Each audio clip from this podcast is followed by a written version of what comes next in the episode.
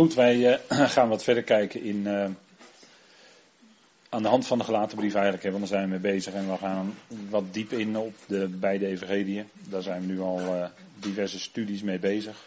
En ik denk dat dat goed is, omdat het weer verder, denk ik, de dingen toch voor u helder maakt. Hè, hoe diepgaand die verschillen zijn. En die zijn nu helemaal niet weg te poetsen. Kijk, een, een facet van uh, het evangelie van uh, wat Paulus bracht is dat wij verzegeld zijn. U ziet hier een, op deze dia een envelop met een lakzegel. En dan komt er altijd zo'n stempel in. Dat heb ik ooit ook nog wel eens gedaan toen, bij de toen bij PTT Post werkte. Dan moesten wij soms brieven of zendingen met belangrijke inhoud of ja, die, die dan verzekerd verstuurd waren, moesten wij verzegelen. En hadden we allemaal zo'n uh, zo'n lakstempel en moesten dan erin afdrukken. En dan uh, mocht dat zegel natuurlijk niet verbroken worden onderweg. Alleen door de ontvanger mocht dat. Nou, dat is het beeld eigenlijk. Zo'n zegel had men toen de tijd ook. En um, in, het, in de dagen van Paulus bedoel ik dan. En dat beeld gebruikt Paulus om voor ons een geweldige waarheid duidelijk te maken, namelijk dat wij verzegeld zijn met de geest van God. Wij zijn verzegeld. En dat zegel, wat God op ons gedrukt heeft, dat kan niemand ongedaan maken. Ook wij zelf niet. Want we zijn verzegeld door Hem. In Christus. En daarom is dat evangelie wat Paulus brengt ook zo bijzonder.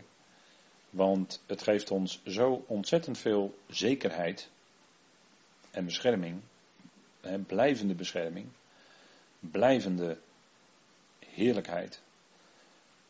Dat kan geen enkel andere evangelie u geven. Dit evangelie geeft als enige de ware, waarachtige zekerheid tot en met. Verzegeld. We zijn verzegeld met de geest van God. Net zoals een envelop waarin je een belangrijke inhoud of een hele belangrijke brief waarin je een boodschap wil overbrengen. En tegenwoordig is dat misschien ook maar beter om dat op die manier te doen, via een envelop die verzegeld is via de post. Want als u het via e-mail doet, dan loopt u de kans dat er meegelezen wordt. Dat zou kunnen. En dat is uh, dan ook nog zelfs in deze tijd misschien nog wel aan te raden. Als u een belangrijke boodschap wil overbrengen. Om dan dat op die manier te doen. Verzegeld met de geest van God. God is degene die ons ook verzegelt. En een waarborg geeft van de geest in ons hart. En die waarborg, dat is het Hebreeuwse woord Araboon. En het Hebreeuwse woord Arabon, dat wijst, dat, dat staat hier in deze tekst hè, van 2 Korinthe 1. Daar gebruikt Paulus een Hebreeuws woord. Wat we hier dan vertalen met waarborg. Maar dat is uh, Arabon in het Hebreeuws. En dat heeft te maken met een wissel of iets wat je uitwisselt. Um, je, je zou het misschien met een voorschot kunnen vertalen. Sommigen vertalen het met onderpand. In ieder geval hebben wij iets ontvangen. De zegel, het zegel van God, zijn geest. En dat is een waarborg.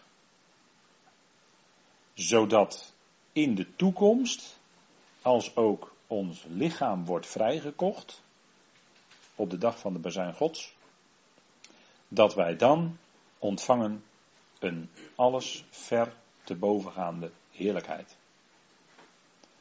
En die zegel, verzegeling door zijn geest, is daar de waarborg van. Dat wil zeggen, het zal als het ware uitgewisseld worden tegen die alles overstijgende heerlijkheid die ons deel zal zijn als de bazuin Gods klinkt. Wat een geweldige dag zal dat zijn. Wat kijken we daar naar uit? Niet om verlost te zijn van de moeilijkheden hier hoor. Want dat wordt ons ook nog wel eens in de schoenen geschoven. Maar dat is volkomen ten onrechte. Dat wij een soort ontsnappingsclausule hebben. Dat wij voor de grote verdrukking worden weggerukt. Nee, dat is niet om weg te vluchten voor de omstandigheden hier, maar dat is omdat de schrift het zegt. Althans, dat is voor mij de enige reden waarom ik het zeg, dat het zo is. Is omdat de schrift het zegt. En niet omdat ik een ontsnappingsclausule wil hebben, want als we door de grote verdrukking heen zouden moeten, als God het duidelijk maakt, dan gaan we er doorheen met God. Maar de schrift zegt het anders, dat wij gered worden voor de verontwaardiging. En ik heb u onlangs nog de teksten meegegeven waarin dat staat. Luid en duidelijk. Nou, en omdat dat daar staat, zeggen we dus dat wij weggerukt worden voor de zeventigste week van Daniel. Daarom is dat. Omdat het daar staat. En niet omdat wij een soort bedachte ontsnappingsclausule willen hebben. Degene die dat denkt, die moet dan maar eens met mij komen praten. Maar we hebben een verzegeling en we zijn verzegeld, zegt Paulus, naar binnen de dag van de vrijkoping. Efeze 4, vers 30. Ik kan u bonnetjes erbij geven. En in de dag van de vrijkoping, dan wordt ons lichaam veranderd. Dan wordt, hè, want daar wachten wij op, Romeinen 8, de vrijkoping van ons lichaam, het zoonschap, hè, dan wordt aan de schepping duidelijk wie wij zijn. Dan worden wij veranderd. En tot dat moment zijn wij verzegeld als een waarborg door de geest van God. Verzegeld met zijn geest. En dat zegt Efeze 1 ook. Hè. In hem ook, dat is in Christus, zijn jullie die geloven, verzegeld met de geest van de belofte, de heilige. Efeze 1, vers 13. En hier ziet u een plaatje op deze dia met heel veel mensen erop. En waarom heb ik dat gedaan? Omdat je aan de buitenkant, en misschien zitten daar enkele gelovigen tussen, dat weet ik niet. Maar aan de buitenkant zie je niet of iemand verzegeld is. Dan zien we er net één eruit als al die andere mensen. Dat is een onzichtbare zaak. Het is ook geestelijk. Het is geestelijk. Het is niet iets wat, waar, wat je aan ons kan zien. Maar het is een geestelijke zaak. We zijn verzegeld met de geest van de belofte, de heilige. Dat is, een, dat is niet een aparte ervaring of zo, die verzegeling.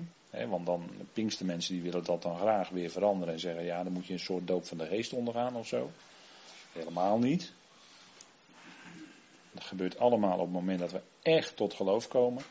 Dan worden wij gedoopt in zijn geest en tegelijkertijd ook verzegeld.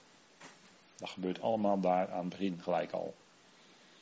En dat, dan hoeven we niet alsnog later in ons geloofsleven nog eens een aparte ervaring, want dat is meestal een gevoel waar men dan op duidt, dat je een aparte eh, ervaring zou moeten ondergaan en dat je dan gedoopt bent in de doop Heilige Geest.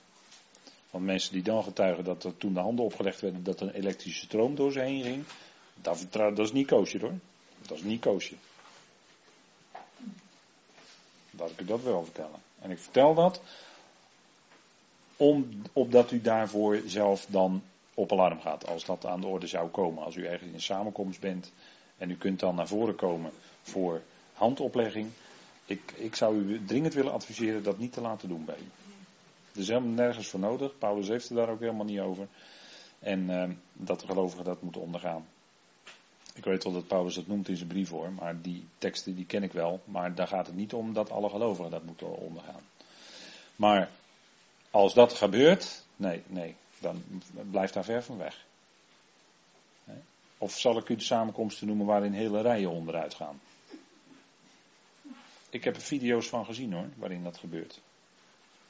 Dat de voorganger op het podium blaast en er gaan hele rijen om. Weet u dat daar een onheilige geest aan het werk is? Daar is een onheilige geest aan het werk. Dat is niet de geest van God. Absoluut niet. Want het schrift spreekt er zo niet over. We moeten toetsen, dat soort verschijnselen moeten we toetsen aan de schrift. En de schrift spreekt er zo niet over. Kunt u mij één gelegenheid dan noemen waar de Jezus of Paulus blaast en dat er hele rijen omgaan? Staat dat ergens in de Bijbel? Dat staat er toch niet? Nee, de Jezus blies op zijn discipelen, dat wel. Maar dan zegt hij, ontvangt heilige geest. Handelingen 20. Maar die discipelen gingen daarbij niet onderuit. Nee, ja, we moeten, je moet scherp lezen. En je moet scherp bij die schrift blijven. En dat zit soms haarscherp hoor. Soms haarscherp. Want een misleiding kan soms zo subtiel zijn. En, en dat zijn allerlei verschijnselen. Dat soort geestdrijverij enzovoort. Dat is niet van God. Dat komt echt uit de andere hoek.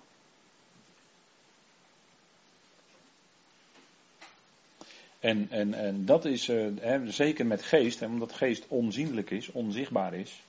Daarom is het ook zo moeilijk. Omdat het gaat om allemaal geestelijke dingen. Maar de geest van God werkt altijd door het woord. De geest van God werkt nooit los van het woord.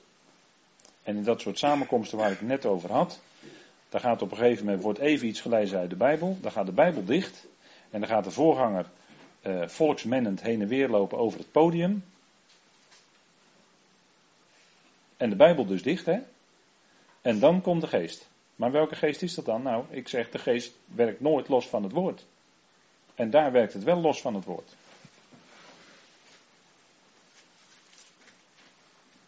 De geest van God werkt in een gelovige altijd door het woord. Altijd. Er is nooit daar los van te koppelen. En, en, en dat, dat, is, dat is echt een vast principe wat u als gelovige als dat gebeurt, u bent misschien toevallig wel eens ooit, komt u nog eens in een samenkomst waar dat gebeurt, nou, wees op je hoede, dan laat ik dat op zo'n zacht zeggen, wees op je hoede. Maar je kunt dus aan de buitenkant niet zien of iemand verzegeld is met de geest. er lopen heel veel mensen op deze wereld rond, zo'n 7 miljard inmiddels. En aan de buitenkant kun je niet zien of iemand verzegeld is, omdat het de geestelijke zaak is. Maar je kunt wel het afleiden uit, die gelovige, die is betrokken op dat woord. De geest leidt in de waarheid. De geest van God leidt je in de waarheid van het woord. En uh, die geest van God is ook uh, altijd bezig om Christus te verheerlijken.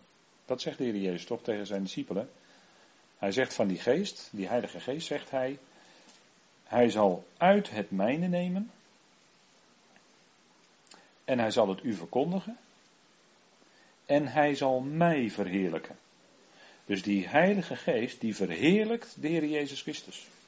Nooit zichzelf. En daar waar men dus het wil verleggen en aandacht wil vragen voor de Heilige Geest, of het werk van de Heilige Geest, of uh, nou het werk van de Heilige Geest, daar kun je wel aandacht voor vragen, want dat is er wel degelijk natuurlijk. Maar ook dat heeft alles te maken met de werking van het woord. En ehm, als, er, als er aandacht wordt gevraagd voor de geest en dat we dan moeten bidden tot de geest, dat is sowieso al, dat is sowieso al out of the question. Dat, dat is niet aan de orde. We gaan niet bidden tot de geest. Nee. De geest zal altijd wijzen op de Heer Jezus Christus en op God de Vader. Altijd. Dat is het werk van de Heilige Geest. En zo werkt hij ook in de gelovigen. Nou, wij zijn dus verzegeld. En dat is ook een belangrijk aspect van het Paulinische evangelie. Hè? Kom je niet bij de besnijdenis tegen. En wat is nou onze toekomst? Want dat is ook een enorm verschil met de besnijdenis. De besnijdenis verwacht het aardse koninkrijk. Het koninkrijk dat van de hemelen op aarde komt. Het koninkrijk van de hemelen is op aarde.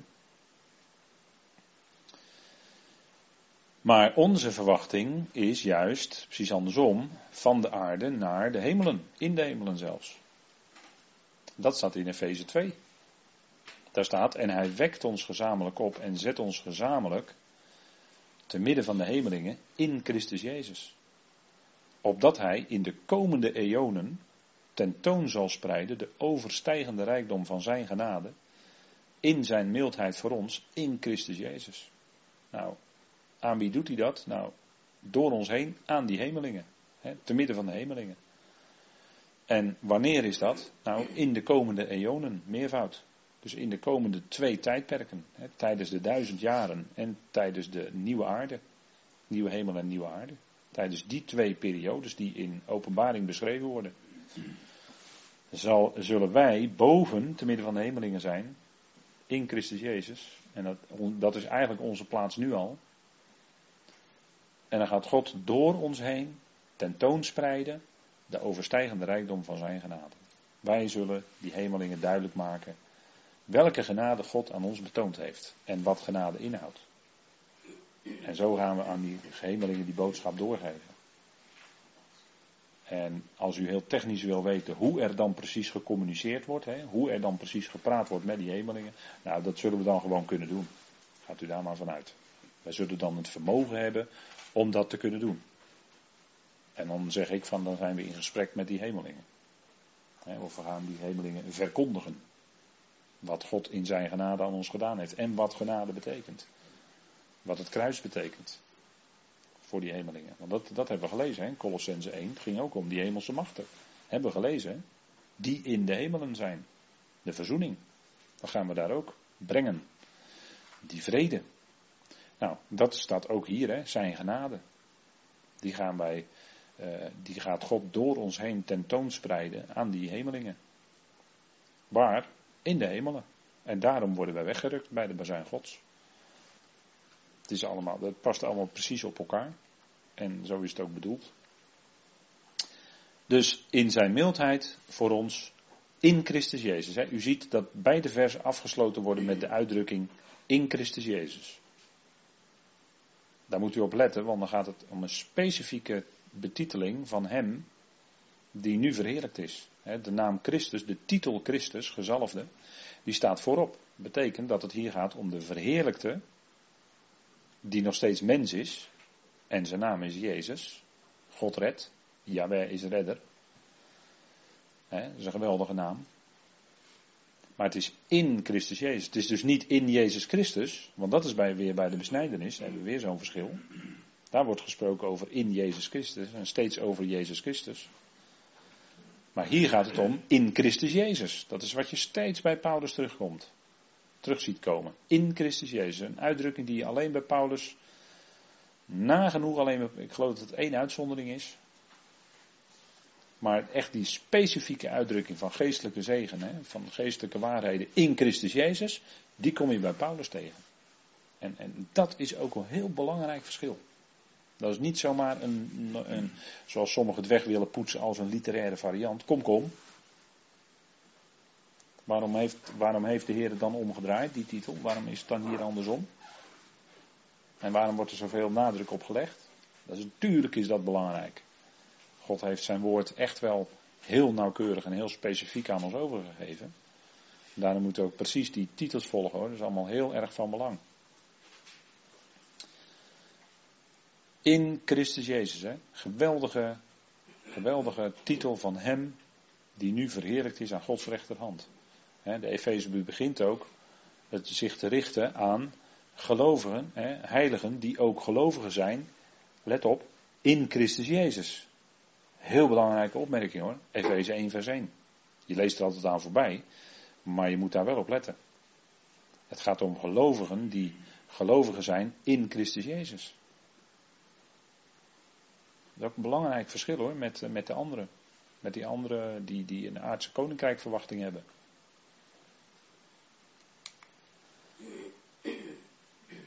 En dan nog even aansluitend op Efeze 2, wat we al eerder hebben gelezen.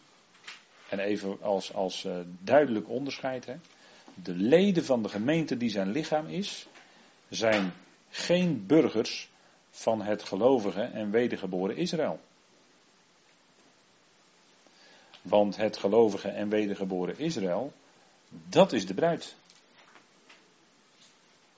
En de gemeente die het liggen van Christus is, wordt nooit de bruid genoemd. Nooit. Dus wij zijn niet de bruid. En op de dag dat hij ons komt halen, zijn wij niet de bruid, zoals we dan soms zingen. Maar dat zingen we dan fout, want dat, dat is gewoon niet zo. Het is niet waar. Het is gewoon niet waar. Je kan het wel zingen, maar je zingt dan iets wat gewoon echt niet waar is. Dus wij zijn niet die bruid, maar we zijn het lichaam van Christus. En we gaan daarover ook uh, een van de keren in, in de Aker, in de Bijbelstudies, over spreken. En dan zullen we goed, goed nagaan in de schriften hoe dat zit met die bruid. En dan zult u ontdekken dat het nog heel wat moeilijker is dan u denkt.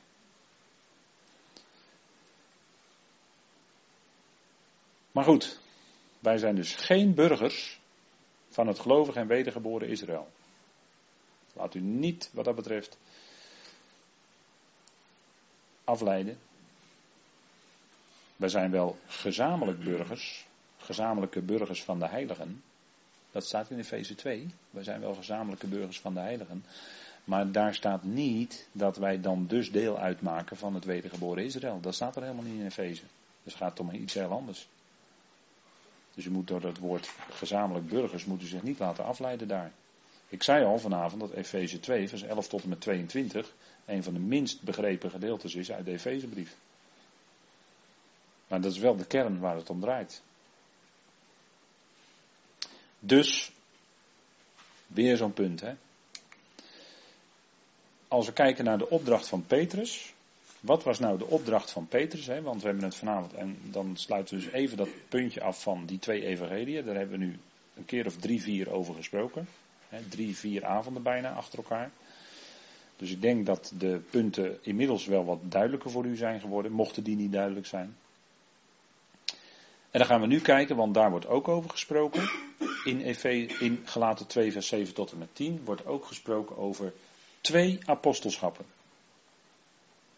Namelijk apostelschap van Petrus en het apostelschap van Paulus.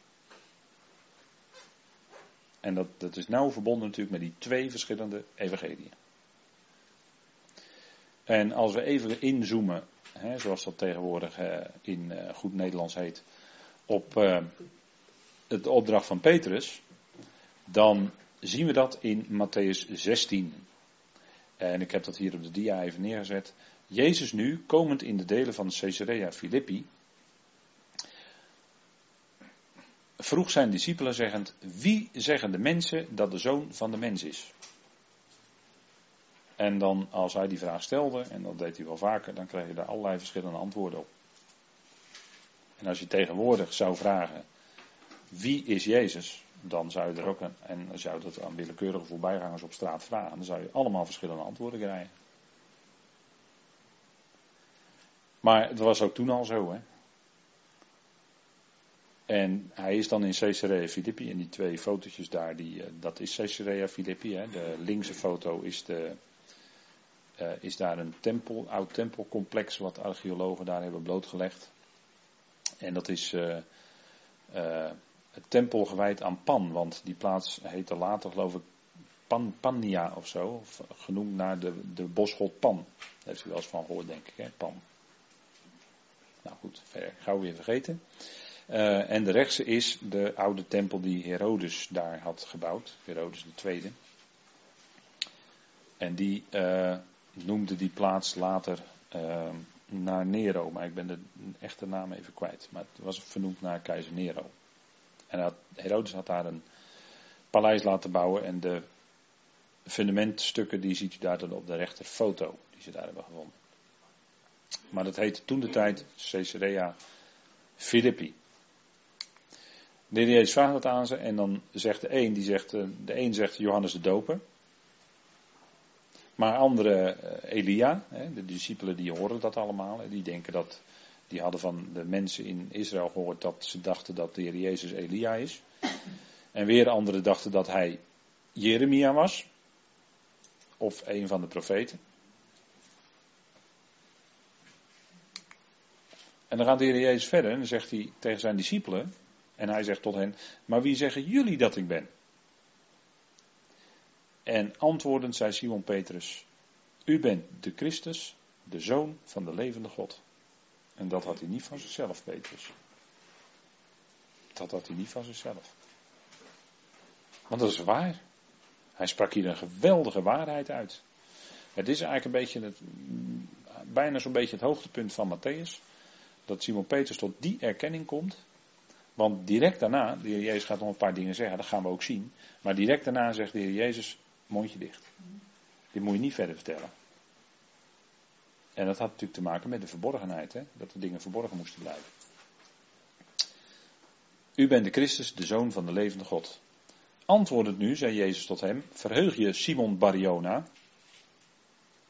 want Simon had ook die duif op de Heer zien neerdalen. En die had ook deel gekregen aan die bedieningen. Dat nadat die duif op de Heer Jezus was neergedaald bij zijn doop in de Jordaan. Simon Bariona, Simon zoon van een duif. Omdat vlees en bloed dit niet aan jou onthult, maar mijn vader die in de hemelen is. Ik nu zeg tot jou, en dan krijgt hij dus uh, zijn, zijn opdracht, dat jij Petrus bent. En op deze rots, hè, dan staat er eigenlijk in het Grieks Petra, dus de Heer Jezus speelt een beetje met die naam. Maar Petra betekent ook rots.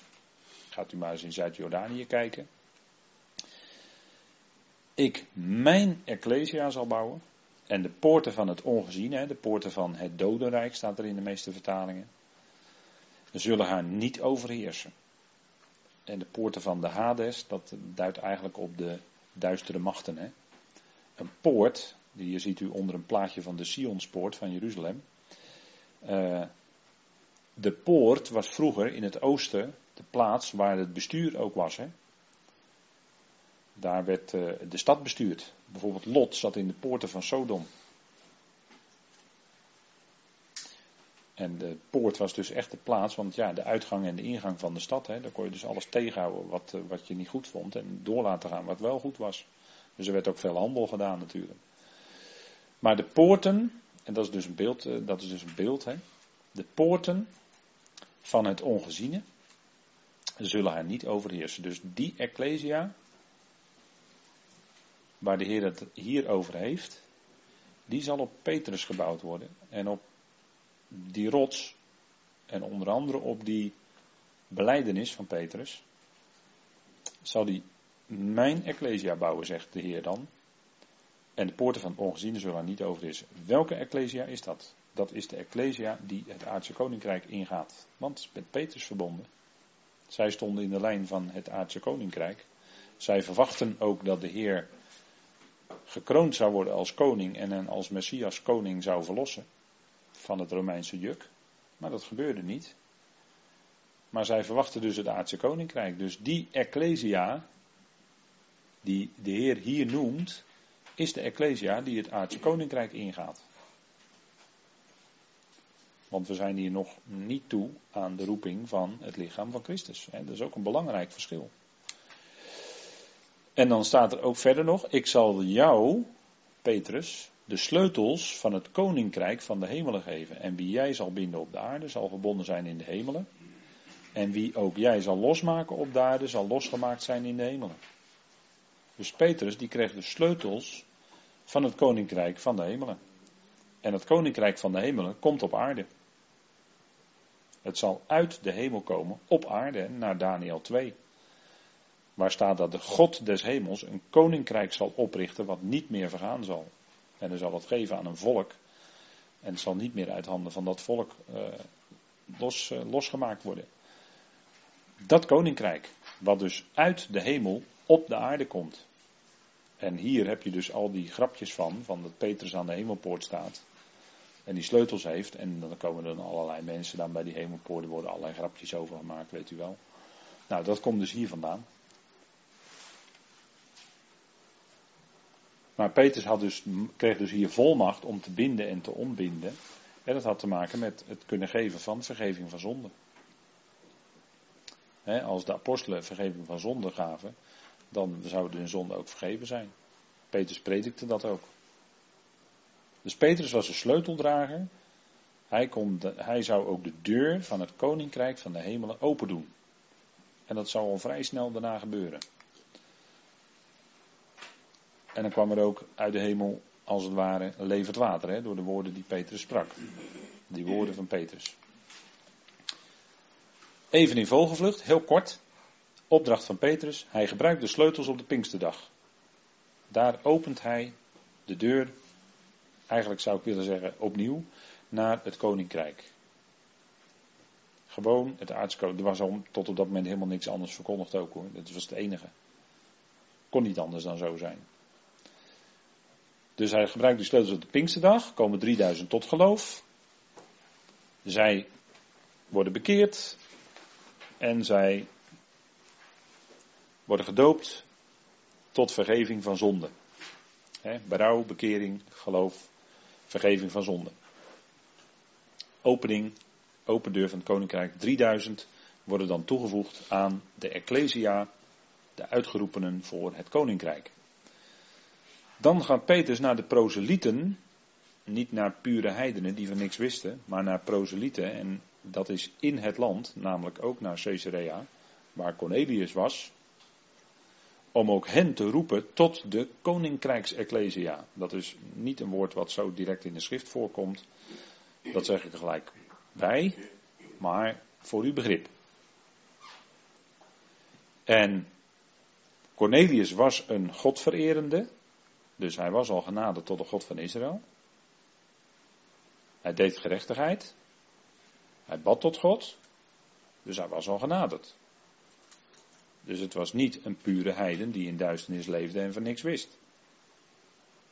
Hij was al genaderd. Proseliet, het woord zegt het al. Dat was wat in Handelingen 10 gebeurde. En Petrus moest overtuigd worden hoor. Hij was eh, bij eh, Simon, de, de, was een leerlooier geloof ik hè. Leerlooier hè, ja dat was hij. En uh, dan, dan, krijgt hij visioenen van een laken wat de hemel naar beneden komt met reine en onreine dieren. Dan moest hij alles eten, dat wilde hij eigenlijk niet, maar uiteindelijk toch. Hè. Maar God moest hem helemaal overtuigen. En hij ging. En daarom zegt Petrus in Handelingen 15 dat God hem van de aanvangsdagen af uitkoos dat de natieën het woord van het evangelie horen en geloven. Welk evangelie? Welk evangelie? Het koninkrijksevangelie natuurlijk. Het evangelie van de besnijdenis. Petrus was geroepen om die sleutels te, oh, te, gebruiken voor het koninkrijk der hemelen. Dat deed hij bij Cornelius ook hoor. Deed hij de sleutels, gebruikte die sleutels van koninkrijk der hemelen. Mocht Cornelius ook gewoon bij aanschuiven. Niks mis mee.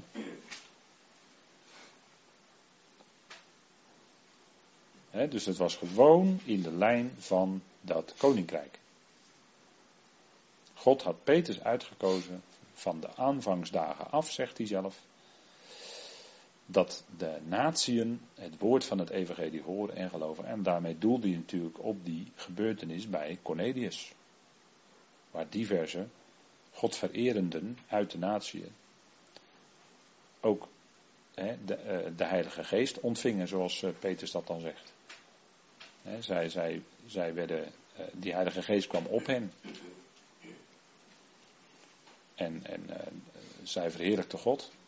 Dus Peter zag uitwerking van zijn boodschap. En hij predikt ook dat uh, Christus, hè, Jezus Christus, dat hij Heer van allen is. Dat predikt hij daar ook aan Cornelius. Ja, dat is natuurlijk ook zo. Maar dat is allemaal in het kader van het evangelie van de besnijdenis. Andere opdracht had Petrus niet hoor.